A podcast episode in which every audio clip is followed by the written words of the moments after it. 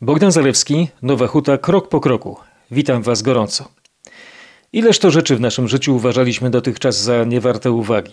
Tak wiele spraw pojawiało się i za chwilę znikało, bez śladu. Na ulicach mijaliśmy przezroczystych ludzi, jakby byli z czystego szkła.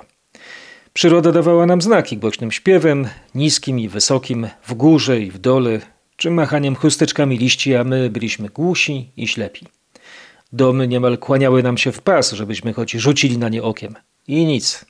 Przechodziliśmy obok, niewiele różniąc się od widm. Duchy wprawdzie potrafią przenikać przez ściany, ale byliśmy na dobrej drodze, żeby nie zauważać murów i pruć prosto przed siebie na przestrzał. Niewielu już brakowało, żebyśmy przechodzili przez nieistniejące pasaże i wyłaniali się po drugiej stronie, wciąż śniąc na jawie, gdy świat wokół całkiem nam się rozpływał. Nie wiem, czy odczuwacie ostatnio to samo, ale ja nareszcie wróciłem do rzeczywistości. Niestety to kolejny dowód na ułomność naszej natury. Trzeba nam coś odebrać, żebyśmy nareszcie docenili wielkie walory tego czegoś. Leniwa kawa w cukierni na rogu placu centralnego i parku ratuszowego? Cóż bardziej przyziemnego. Lubiłem tam siadać i gapić się na skrzyżowanie, licząc samochody jak barany przed snem. Myślałem, że tak będzie do końca świata w przyjemnie nudnej dzielnicy. Mój świat, Wiedziałem, kiedyś się skończy. Nikt nie jest przecież nieśmiertelny, ale nie przypuszczałem, że będę tęsknił za tymi najbanalniejszymi przyzwyczajeniami. Na pewno macie takie drobne przyjemnostki, gdziekolwiek mieszkacie. Może gapienie się na statka w rubli z fotela lokalu na rynku Starego Miasta w Warszawie. Ich harce tak mnie rok temu śmieszyły, że na hasło stolica od razu pojawia mi się w głowie ten obraz. A przecież mogły to być ludne, nudne złote tarasy, rajskie łazienki czy warszawska panorama ze szczytu Pałacu Kultury. Z góry daru kraju rad. Robię ten wstęp do kolejnego odcinka Nowochódzkiego podcastu, bo gdzie ja was w tym czasie mogę zaprosić? Świat nam się wokół coraz bardziej zamyka. Nie będę mówił, że nas osacza. Pragnę powiedzieć coś przeciwnego.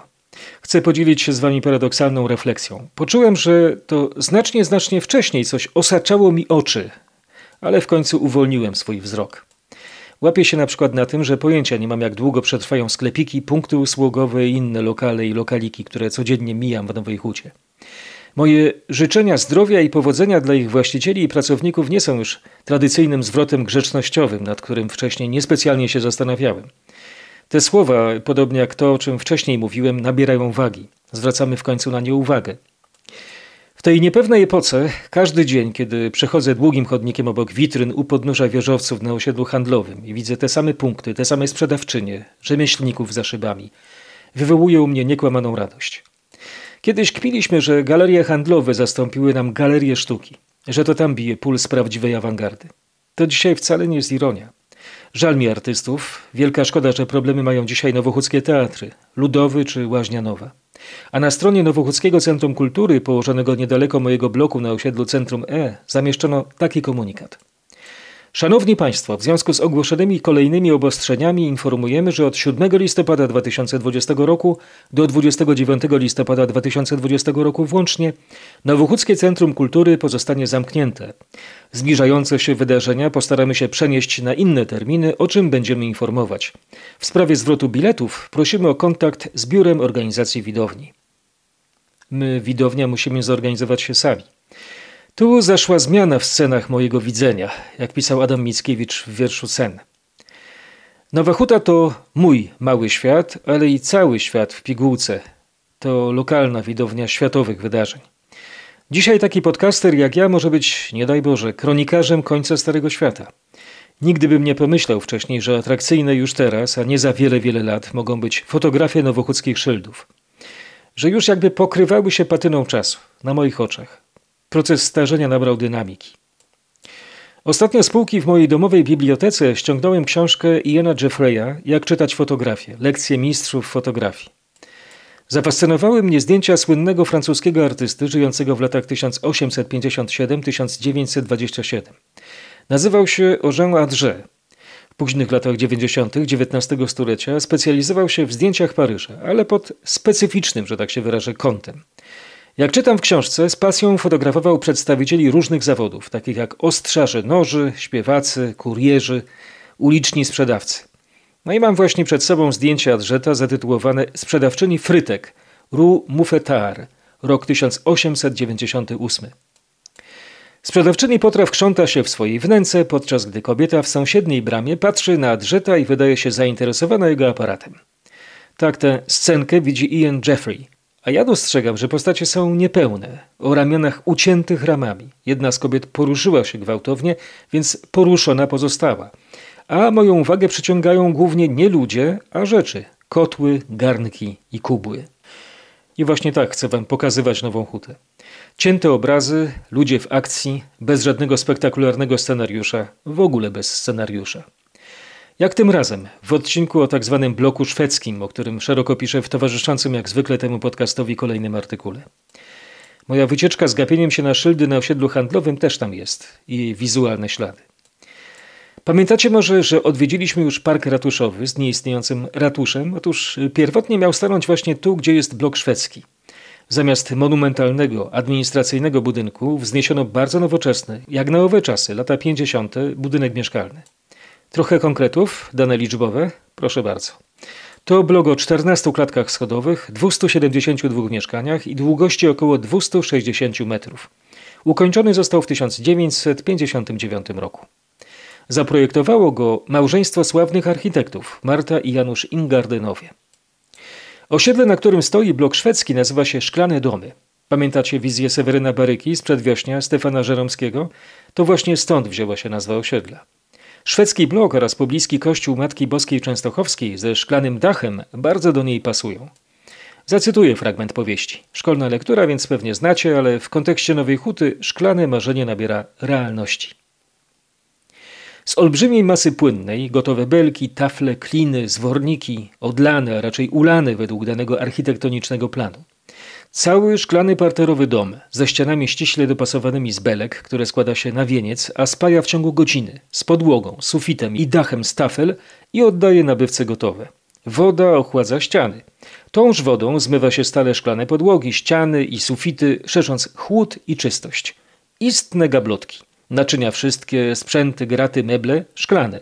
Domy są kolorowe, zależnie od natury okolicy, od natchnienia artysty, ale i od upodobania mieszkańców.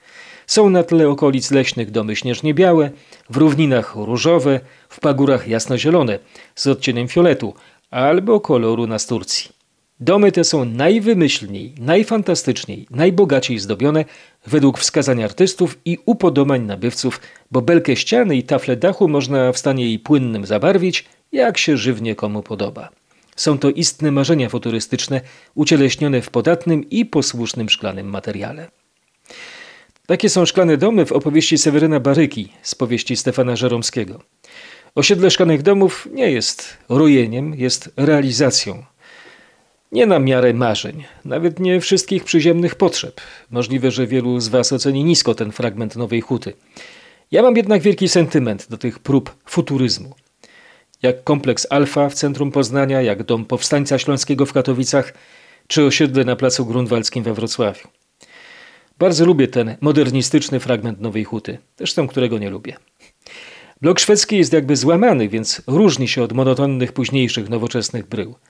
Przełamie teraz mój monolog, zamienię go w dialog z antykwariuszem, właścicielem punktu ze starymi książkami w bloku szwedzkim, panem Krzysztofem Majcherem. Mój głos jest jak z batyskafu, bo mówiłem przez przyłbicę. Pan Krzysztof miał słabszy przetwornik głosu, antykoronawirusową maseczkę.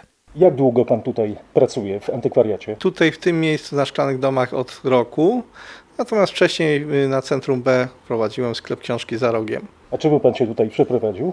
No, ze względu na większy lokal, bo tam był malutki, brakło miejsca na książki, no i ty, tutaj jest większe pomieszczenie, dodatkowo magazyn jest, także. Ten też nie jest za duży, więc tam była chyba kliteczka. No tam było takie pomieszczenie jak to pierwsze tutaj, natomiast y, tutaj dodatkowo mam zaplecze, więc y, no, jest jednak dwa razy większe niż tamto. Jak pan teraz prosperuje? Bo widzę, że tutaj książeczki są po 2 złote. Ja nawet kupiłem jedną. Tak, no książki są od złotówki, y, w zależności od tego, jakie książki, do kilkunastu złotych, natomiast no, w tym momencie jakoś sobie radzę, także nie narzekam. Ja lubię w ogóle literaturę, lubię różne dziedziny, ale przede wszystkim interesuje mnie pana propozycja dotycząca Nowej Huty. Co tutaj można znaleźć? Jeżeli chodzi o nową hutę, no to niestety to będzie ciężko, bo to jest temat bardzo popularny. Dużo jest osób chętnych na, na publikacje, natomiast mało osób przynosi, sprzedaje tego typu książki, więc w tym momencie nic ciekawego nie, nie znajdziemy.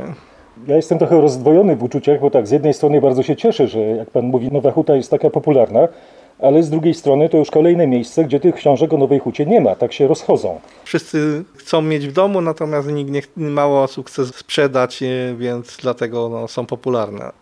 Y, Pan rozmawia z tymi klientami, y, dlaczego oni kupują akurat książki od naszej dzielnicy? No, dużo osób się interesuje historią huty. Część osób jest, które przyjechało niedawno, kilka lat temu zaczęli mieszkać, chcą poznać dzieje huty. Poszukują swojej nowej tożsamości, tak? No można tak powiedzieć. Ale widzę, że pan ma jakieś, jakieś jednak pozycje, jakieś tomy dotyczące Nowej Huty. No, Możemy coś wybrać? Pierwsze o Nowej Hucie, Moja Ziemia Obiecana pana Kwieka, który też tutaj na Alei Róż nieraz wystawia swoje... Właśnie, bo on też jest malarzem, prawda? Tak, tak, właśnie zawsze na każdej książce jest autoportret narysowany przez niego. Możemy coś przeczytać? Możemy coś przeczytać. O, jest. Tak, o Hucie Lenina, prawda? Może to. Tak, zgniatacz w hucie Lenina. Zgniatacz gniecie w zimie w lecie, a co gniecie, kęs żelaza, stali huty. Tak pogrzbiecie, aż się spłaszczy na wymiary. Cienkiej blachy albo szyny i to całe zamieszanie na zgniataczu walcowanie. Operator ma tu władzę wykonawczą, on nadaje mu te ruchy znakomicie. No, znakomity wiersz. znakomity. I ile kosztuje ta książka? Ta jest akurat w cenie 20 zł książka. 20 złotych. Dobrze, to ja ją kupuję w takim razie. Proszę bardzo. Dobrze. Proszę mi jeszcze powiedzieć, y, tutaj jesteśmy w bloku szwedzkim. Tak. Co to znaczy? No to jest blok zaprojektowany przez małżeństwo Ingardenów. No i jest to taki dość charakterystyczny budynek w Nowej Hucie. No, zdał pan egzamin. Ale ja się nie spodziewałem innej od pana odpowiedzi jako od nowochucianina. Y, Proszę pana, czy to dla pana ważne, że pan w tym bloku akurat ma antykwariat? Y, Tak, no to jest dość reprezentacyjne miejsce w centrum No- Nowej Huty, więc no to też dodaje prestiżu. Podoba się panu ta architektura? Y, Tak, ja jestem zakochany w Hucie, mieszkam na najstarszej części Nowej Huty, wychowywałem się na Mistrzejowicach, też część Huty, cały czas jestem związany z Hutą. Y, Wie pan, ja mieszkałem już na, na siedmiu osiedlach, więc y, zawsze znajduję jakiegoś krajana. I pan też był moim krajanem, bo ja mieszkałem na osiedlu Złotego Wieku. A to ja też, A w którym bloku? 27. Jeju, to ja w 28. O, no to widzisz. Coś podobnego. To jesteśmy po prostu więcej niż krajanami.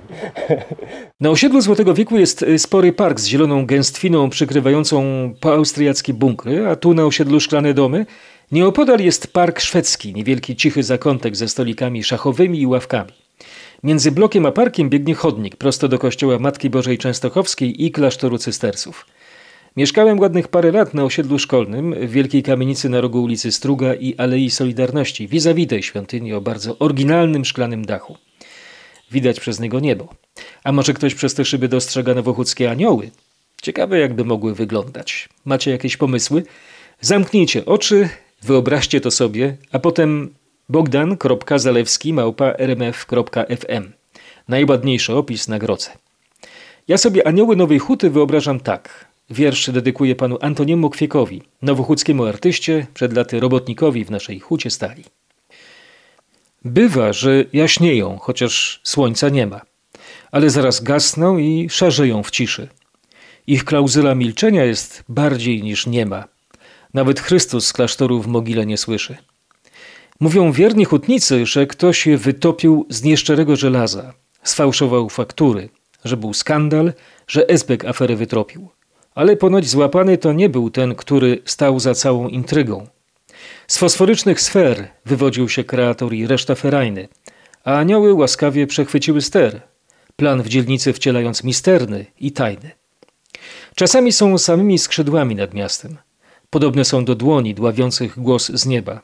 Nie dbają o twe modły, mają sprawy własne. Przerażają, lecz ważne, aby się ich nie bać.